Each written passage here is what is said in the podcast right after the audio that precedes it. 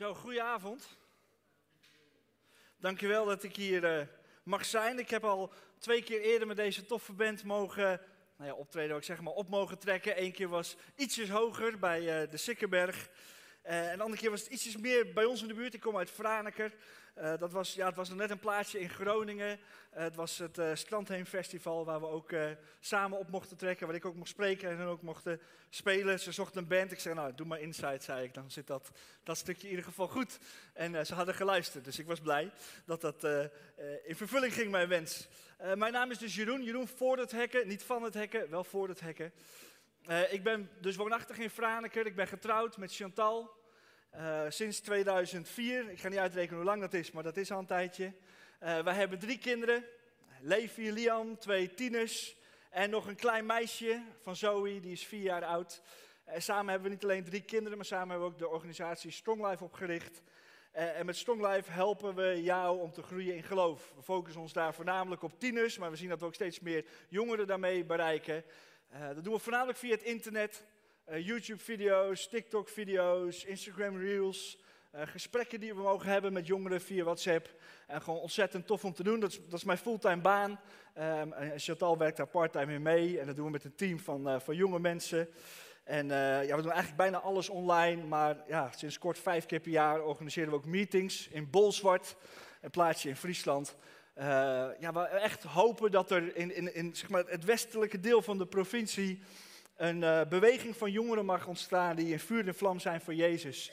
Die, die dat ook uit willen dragen. We willen ze discipelen en ook echt aanmoedigen om een getuige te zijn van Jezus in hun omgeving. Het is gewoon super vet om daaraan te mogen bouwen. Super groot team hebben we daarvoor en uh, nou, super leuk. Ik kan me voorstellen dat het een beetje ver weg is, maar als je op onze site checkt kun je gewoon ook gewoon meekijken vanuit hier via de livestream. Hey, ik mag vanavond spreken over het thema onze plek. En in mijn hoofd zet ik daar elke keer onze kerk neer. En dat is ook niet zo gek, want eh, ik hou van de kerk. Ik vind de kerk een toffe plek om te zijn. Eigenlijk mijn hele leven al in de kerk gezeten. Ik heb er ook weinig tegen afgezet, tegen de kerk. Het was de plek waar ik al heel jong daar achterin bij het geluidsteam mijn talenten mocht ontwikkelen, me in mocht zetten, wanneer ik mee mocht draaien. De plek waar ik nu zit in de kerk, waar ik al eigenlijk vrij jong, zonder enkele ervaring, een keer het podium op me gaan om te spreken. Het is de plek waar ik, heel eerlijk zeg, soms misschien wel meer contact heb met de mensen dan met mijn eigen familie. Sommige mensen weten misschien nog wel meer van mij, van, van, van wat ten diepste in me omgaat, dan, dan mijn broer. Eh, eh, ik, ik vind het gewoon een fantastische plek. Tegelijkertijd realiseer ik me ook dat de kerk niet perfect is. Helaas gebeuren ook dingen in de kerk die we liever niet zouden willen zien. Het nadeel daarbij is dat, ja, zoals we hier zitten, wij ook niet perfect zijn. En dat is maar goed ook, want anders ja, was er ook geen plekje meer voor mij. Want net als jij en net als die mensen die de fouten gaan, ben ik ook niet perfect. Maar dat maakt allemaal niet zoveel uit. En hoe dat precies zit, ga ik zo meteen met je doornemen. En dat ga ik doen aan de hand van een tekst die staat in Handelingen. Handelingen 3. En dan ga ik even met elkaar lezen vanaf vers 1 tot en met 10. En Handelingen 3 gaat over de genezing van een verlamde man. En dan staat het volgende. Ik lees het met je vanuit de Bijbel in gewone, nee niet de Bijbel in gewone taal, de uh, nieuwe Bijbelvertaling. En er staat, op een dag gingen Petrus en Johannes zoals gewoonlijk omstreeks het negende uur naar de tempel voor het namiddaggebed. Men had ook een man die al, die al sinds zijn geboorte verlamd was naar de tempel gebracht. Hij werd daar elke dag neergelegd bij de poort die de Schone heet, om te bedelen bij de bezoekers van de tempel. Toen hij zag dat Petrus en Johannes de tempel wilden binnengaan, vroeg hij om een kleinigheid. Petrus richtte zijn blik op hem, evenals Johannes, en zei: Kijk ons aan. De bedelaar keek naar hen op, in de verwachting iets van hen te krijgen. Maar Petrus zei: Zilver of goud heb ik niet, maar wat ik wel heb, geef ik u. In de naam van Jezus Christus van Nazareth, sta op en loop. Hij pakte hem bij zijn rechterhand om hem overeind te helpen. Onmiddellijk kwam er kracht in zijn voeten en enkels. Hij sprong op en ging staan en begon te lopen. Daarna ging hij samen met hen de tempel binnen, lopend en springend en godlovend. Alle tempelbezoekers zagen hem lopen en hoorden hem God loven. Ze herkenden hem als de bedelaar die altijd bij de tempelpoort had gezeten. En waren buiten zichzelf van verbazing over wat er met hem was gebeurd. Yes. Weet je, toen ik over dit tekstgedeelte aan het nadenken was, vielen mij een paar dingen op. En die wil ik eerst eens even met je doorgaan. We lezen hier dat Petrus en Johannes de gewoonte hadden om elke dag naar de tempel te gaan. Om daar God te aanbidden en andere christenen, andere gelovigen te ontmoeten. Maar dat was niet alleen de gewoonte van hun, ook van die verlamde man was dat de gewoonte om daar naartoe te gaan. Niet naar binnen, want als verlamde mocht dat niet. Nee, hij werd buiten neergelegd, zodat hij elke dag zijn handje op kon houden om te kijken of er mensen waren die hem geld wouden geven. En in die verwachting werd als het goed is voldaan, want volgens de wet was het de gebruikelijk en, en de gewoonte dat mensen geld gaven aan zulke mensen. En terwijl die man daar zit, nou ja, sommige bijbelgeleerden die zeggen nou eigenlijk nog toen hij, toen hij erheen werd gebracht en nog niet eens zat, toen zag hij dat Petrus en Johannes eraan kwamen. En hij roept ze. En als we het woord in de, in de bron op gaan zoeken, dan staat daar niet dat hij één keer roept. Geef mij een kleinigheidje. Nee, dan staat dat daar een, ja, een aanhoudelijk roep is. Hij riep steeds: Geef mij een kleinigheidje. Geef mij toch iets. Als ik het in mijn eigen woorden mag zeggen. En ik geloof dat die man had gehoord van dat wat God door Petrus en Johannes aan het doen was. Want als we een paar versen daarvoor gaan lezen, dan lezen we daar dat God machtig door Petrus en Johannes aan het heenwerken is. Er gebeuren wonderen en tekenen en het valt de mensen op. En, en de groep mensen die geloven, die groeit en groeit. En die mensen die, die delen alles met elkaar om zo ook te voorzien in de noden van de mensen die dat nodig hadden. En ik geloof dat die man had gehoord van wat er, wat er aan de hand was. En dat hij dacht van, weet je, ik wil van die, daar wil ik gewoon zo graag onderdeel van zijn. Want als dat zo is, dan ben ik van mijn, maar in ieder geval vandaag, van mijn ellende af. Als er mensen zijn, een groep mensen, die alles verkopen, alles op één bult geven, het aan elkaar geven en aan de mensen die het nodig hebben, dan is dat de plek waar ik moet zijn. En terwijl hij dat vraagt aan Petrus en Johannes, dan stel ik me zo voor dat hij zijn handen uitstrekt en naar zijn handen kijkt. Want er staat dat hij hun niet aankeek. En ik kan me zo voorstellen dat een bedelaar gefocust is op dat wat hij in zijn handen gaat krijgen. Dat hij verwachtingsvol uitziet naar dat wat de mensen aan hem willen geven. En dan zegt Petrus, kijk ons aan. Zijn man kijkt omhoog. En dan staat daar wat geks. Ik, een dingetje waar als ik ervan uitga wat ik net heb verteld, compleet niet bij kan. Dan zegt Petrus, zilver of goud heb ik niet. Hoezo? Zilver of goud heb ik niet. Hebben we niet net gelezen dat jullie met elkaar een clubje van gelovigen hebben, die alles hebben verkocht, het op één grote bult geven? Er moet toch in dat diaconale potje geld zijn om deze man iets te geven? Hoezo zilver of goud heb ik niet? En misschien is het wel zo dat ze misschien niet bij hun hadden, of misschien ook wel niet hadden, ik weet het niet, maar ik geloof vooral dat dat niet is wat die man nodig heeft. Hij vroeg om geld. Maar die man mag gaan ontdekken dat de kracht van Gods koninkrijk niet zit in de aardse dingen.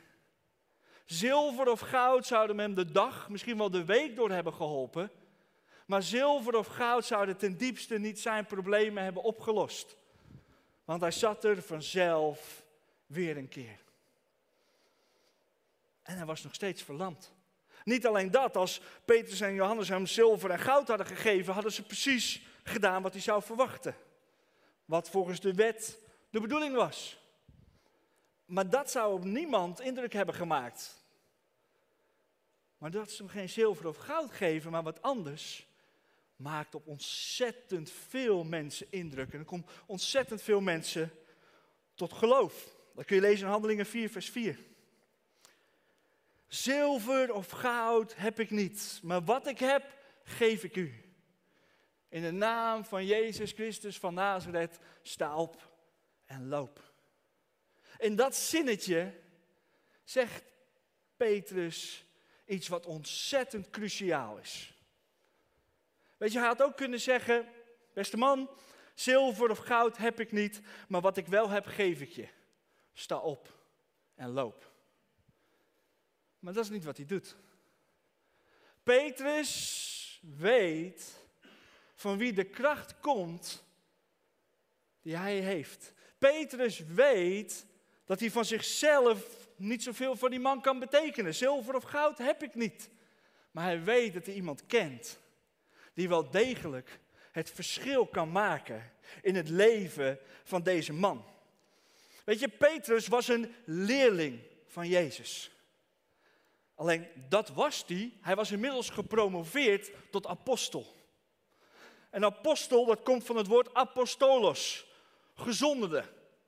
In die tijd was dat zo dat iemand door een ander iemand die boven diegene stond, met heel veel macht en autoriteit, uit werd gezonden naar een plek om daar als apostolos de vertegenwoordiger van die hooggeplaatste te zijn. En als apostolos had jij dezelfde macht als degene die jou gezonden had. Petrus, die van leerling naar apostel had, was gegaan, had dezelfde macht gekregen van degene die hem gezonden had.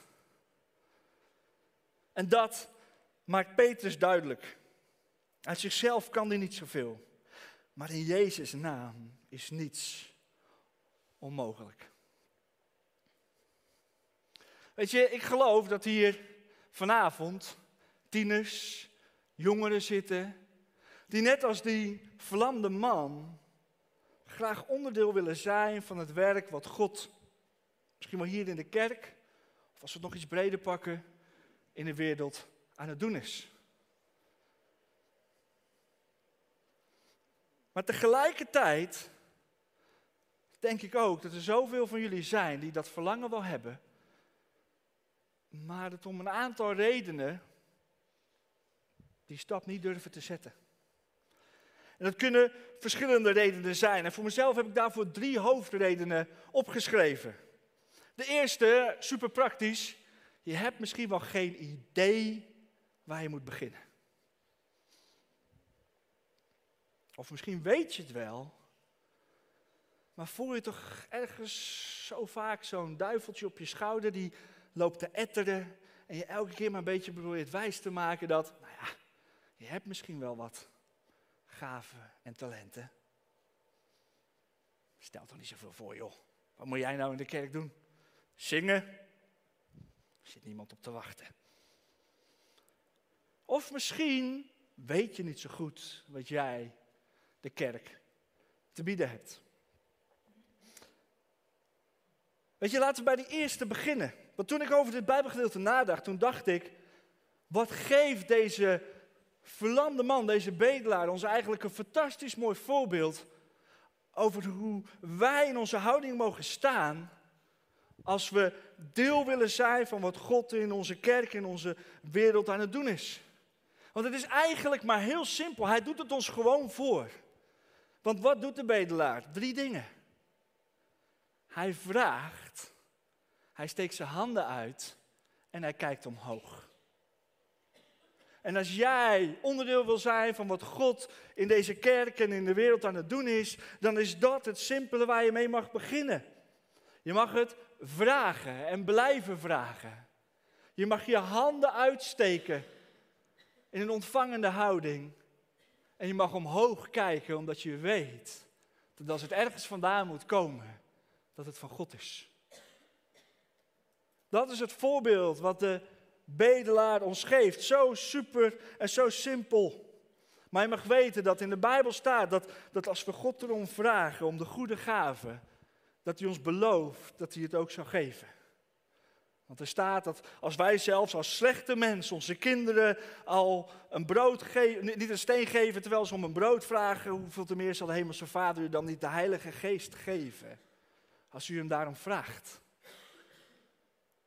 Met andere woorden, het is de Heilige Geest die door jou heen werkt. Het is Jezus Geest. En als jij vraagt, je handen uitsteekt en omhoog kijkt, dan hoef je niet eens te twijfelen.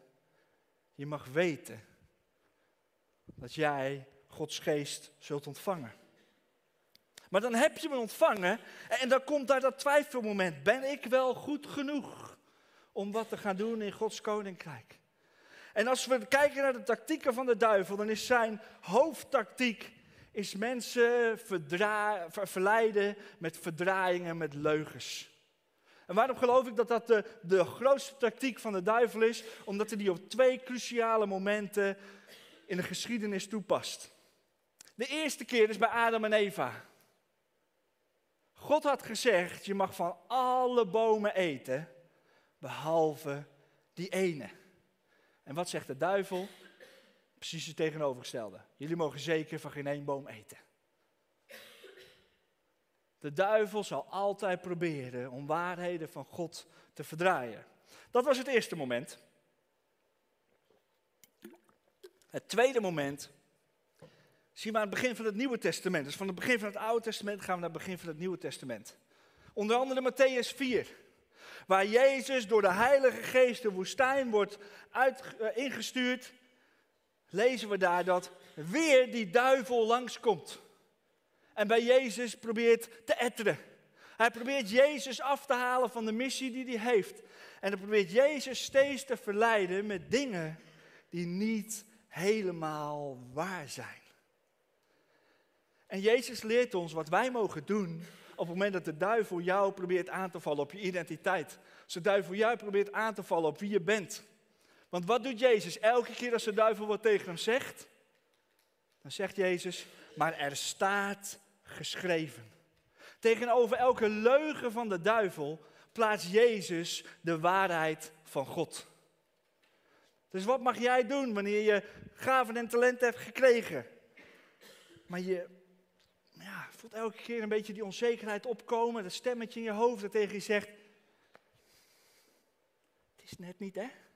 Dan mag jij zeggen, ho, ho, ho, ho, ho. God heeft mij deze gaven en talenten gegeven. En als de duivel tegen jou zegt, jij bent niet goed genoeg, dan mag je zeggen, ho, wacht even. In Johannes 3, vers 16 staat dat, dat, dat Jezus voor de vergeving van mijn zonde naar de aarde is gekomen.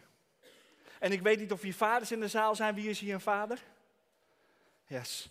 Mag je hand even omhoog houden? Ja?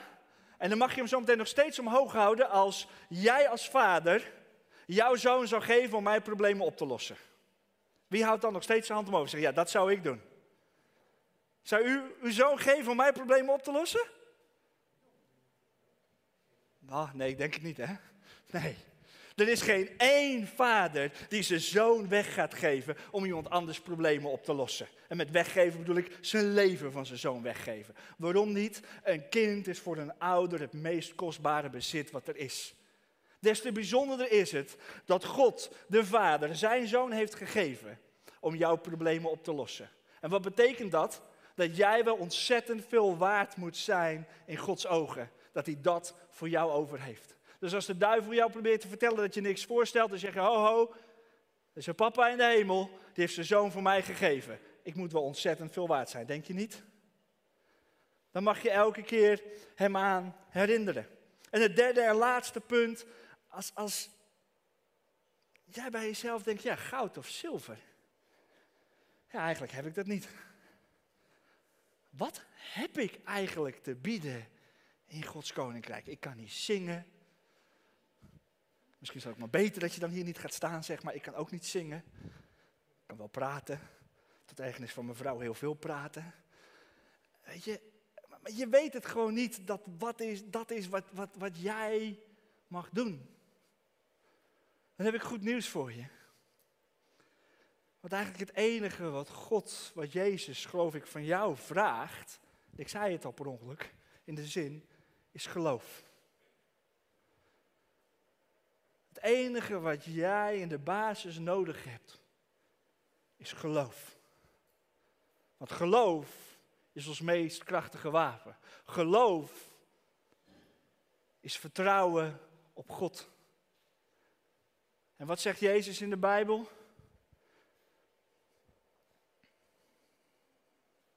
Jezus zei tegen hen, Matthäus 11, vers 22 en 23. Heb geloof in God. Ik verzeker jullie, als iemand tegen die berg zegt, kom van je plaats en stort je in de zee. En niet twijfelt in zijn hart, maar, maar dat gelooft, dat, dat het zou gaan gebeuren, wat hij zegt, dan zal het ook gebeuren. Elke keer als je in de Bijbel leest, dan zie je dat waar mensen geloven, machtige dingen gebeuren. Ook in het stukje van wat we net hebben gelezen, Handelingen 3, vers 16. Het komt door zijn naam, dus ten eerste de naam van Jezus, die Petrus uitsprak. En door het geloof in zijn naam. Het enige wat Jezus van jou vraagt is, geloof je mij? Geloof je dat ik het beste met je voor heb? Geloof je dat als ik zeg dat je beter die kant op kan gaan in plaats van die kant? Vertrouw je dan dat dat waar is, dat dat goed voor je is? En geloof je dat, hoe had je het ook probeert zelf in je eigen leven, dat je mij nodig hebt? Want je kan het blijven proberen, je kan blijven aansukkelen. Maar geloof je dat ik ben gekomen voor de vergeving van jouw zonde? Dat is eigenlijk in de basis wat God, wat Jezus van jou vraagt. En wat je nodig hebt om actief te worden. Om onderdeel te zijn van Gods koninkrijk, van wat Hij hier aan het doen is. En als je dat zo hebt, dan is het tijd voor één ding. Dan moet je in beweging komen. Kijk, Petrus zei tegen die man in de naam van Jezus Christus, sta op. En terwijl ik dit net zo las, dacht ik, wat mooi hè. Die man die werd niet eens gevraagd van voel je wat in je been of zo? Begint er wat te gebeuren? Tintelt het of zo? Nee, ze pakte mij zijn arm en hij stond op. Die man kwam zonder twijfel in beweging.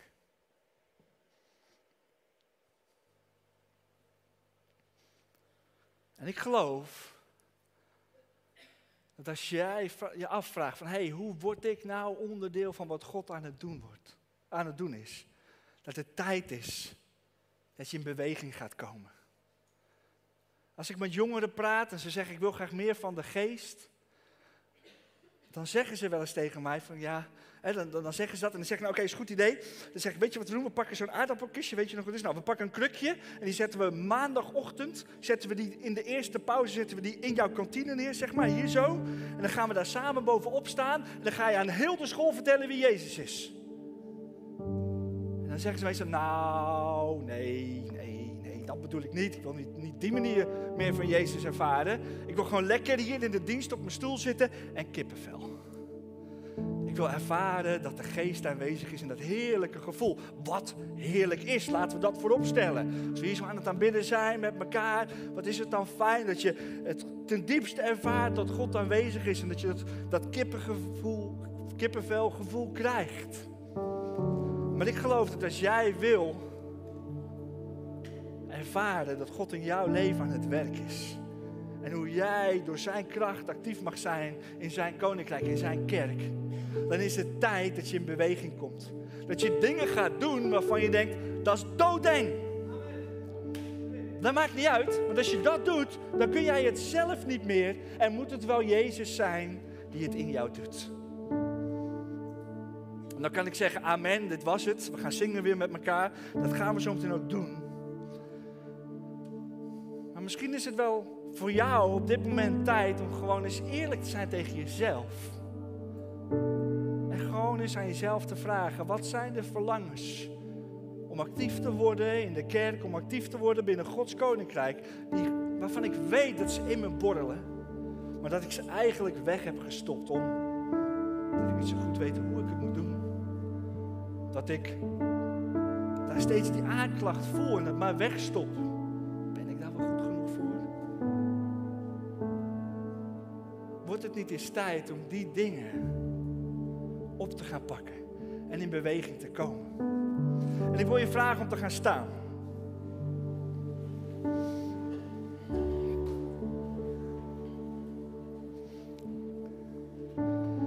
Zoals ik al zei, wij doen het niet vanuit onszelf.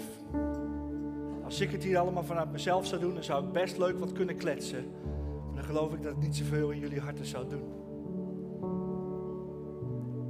En zou je hand dus op willen steken als je zegt van, weet je, ten diepste heb ik wel een verlangen om in beweging te komen en iets te gaan doen binnen de kerk of Gods Koninkrijk. Wie zijn die mensen? Ik zie dat, dankjewel. Nog één, dankjewel. Yes.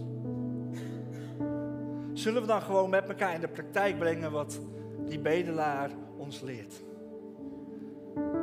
Zullen we onze handen uitstrekken naar God?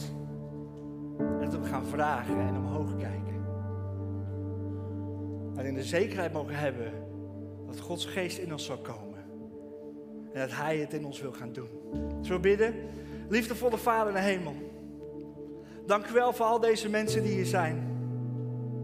Dank u wel dat, ook al zijn wij niet perfect, dat u ernaar uitziet om ons te gebruiken in uw koninkrijk. Bij ons op school of hier in de kerk. Dat dit onze plek is waar we onszelf mogen zijn, waar we echt mogen zijn, waar we mogen leren, waar we in actie mogen komen. Liefdevolle Vader Hemel, dank u wel dat als we u nu vragen om met uw Heilige Geest in ons te komen, ons te vervullen met uw geest, dat we mogen weten dat u op dit moment door de rijen heen gaat en ons vervult met uw geest. Dank u wel dat het gewoon een belofte is in de Bijbel, dat we mogen weten dat u altijd doet wat u zegt. Vader, ik wil u vragen, wilt u ons de komende uren, komende dagen, komende weken, maanden, wilt u ons leiden? Wilt u op een machtige manier door ons heen werken, zodat we dingen die in de kerk mogen doen, die ter ere glorie van uw naam zijn, dat we dingen op het werk mogen doen, dat we dingen op school mogen doen, waarmee we getuigen zijn van wie u bent. Dat onze vrienden, onze klasgenoten, onze collega's mogen gaan ontdekken dat u niet een dode God bent, maar dat de kracht zit in de naam van Jezus Christus van Nazareth. En dat vraagt soms wat lef. Maar wilt u ons dat geven? In Jezus' naam.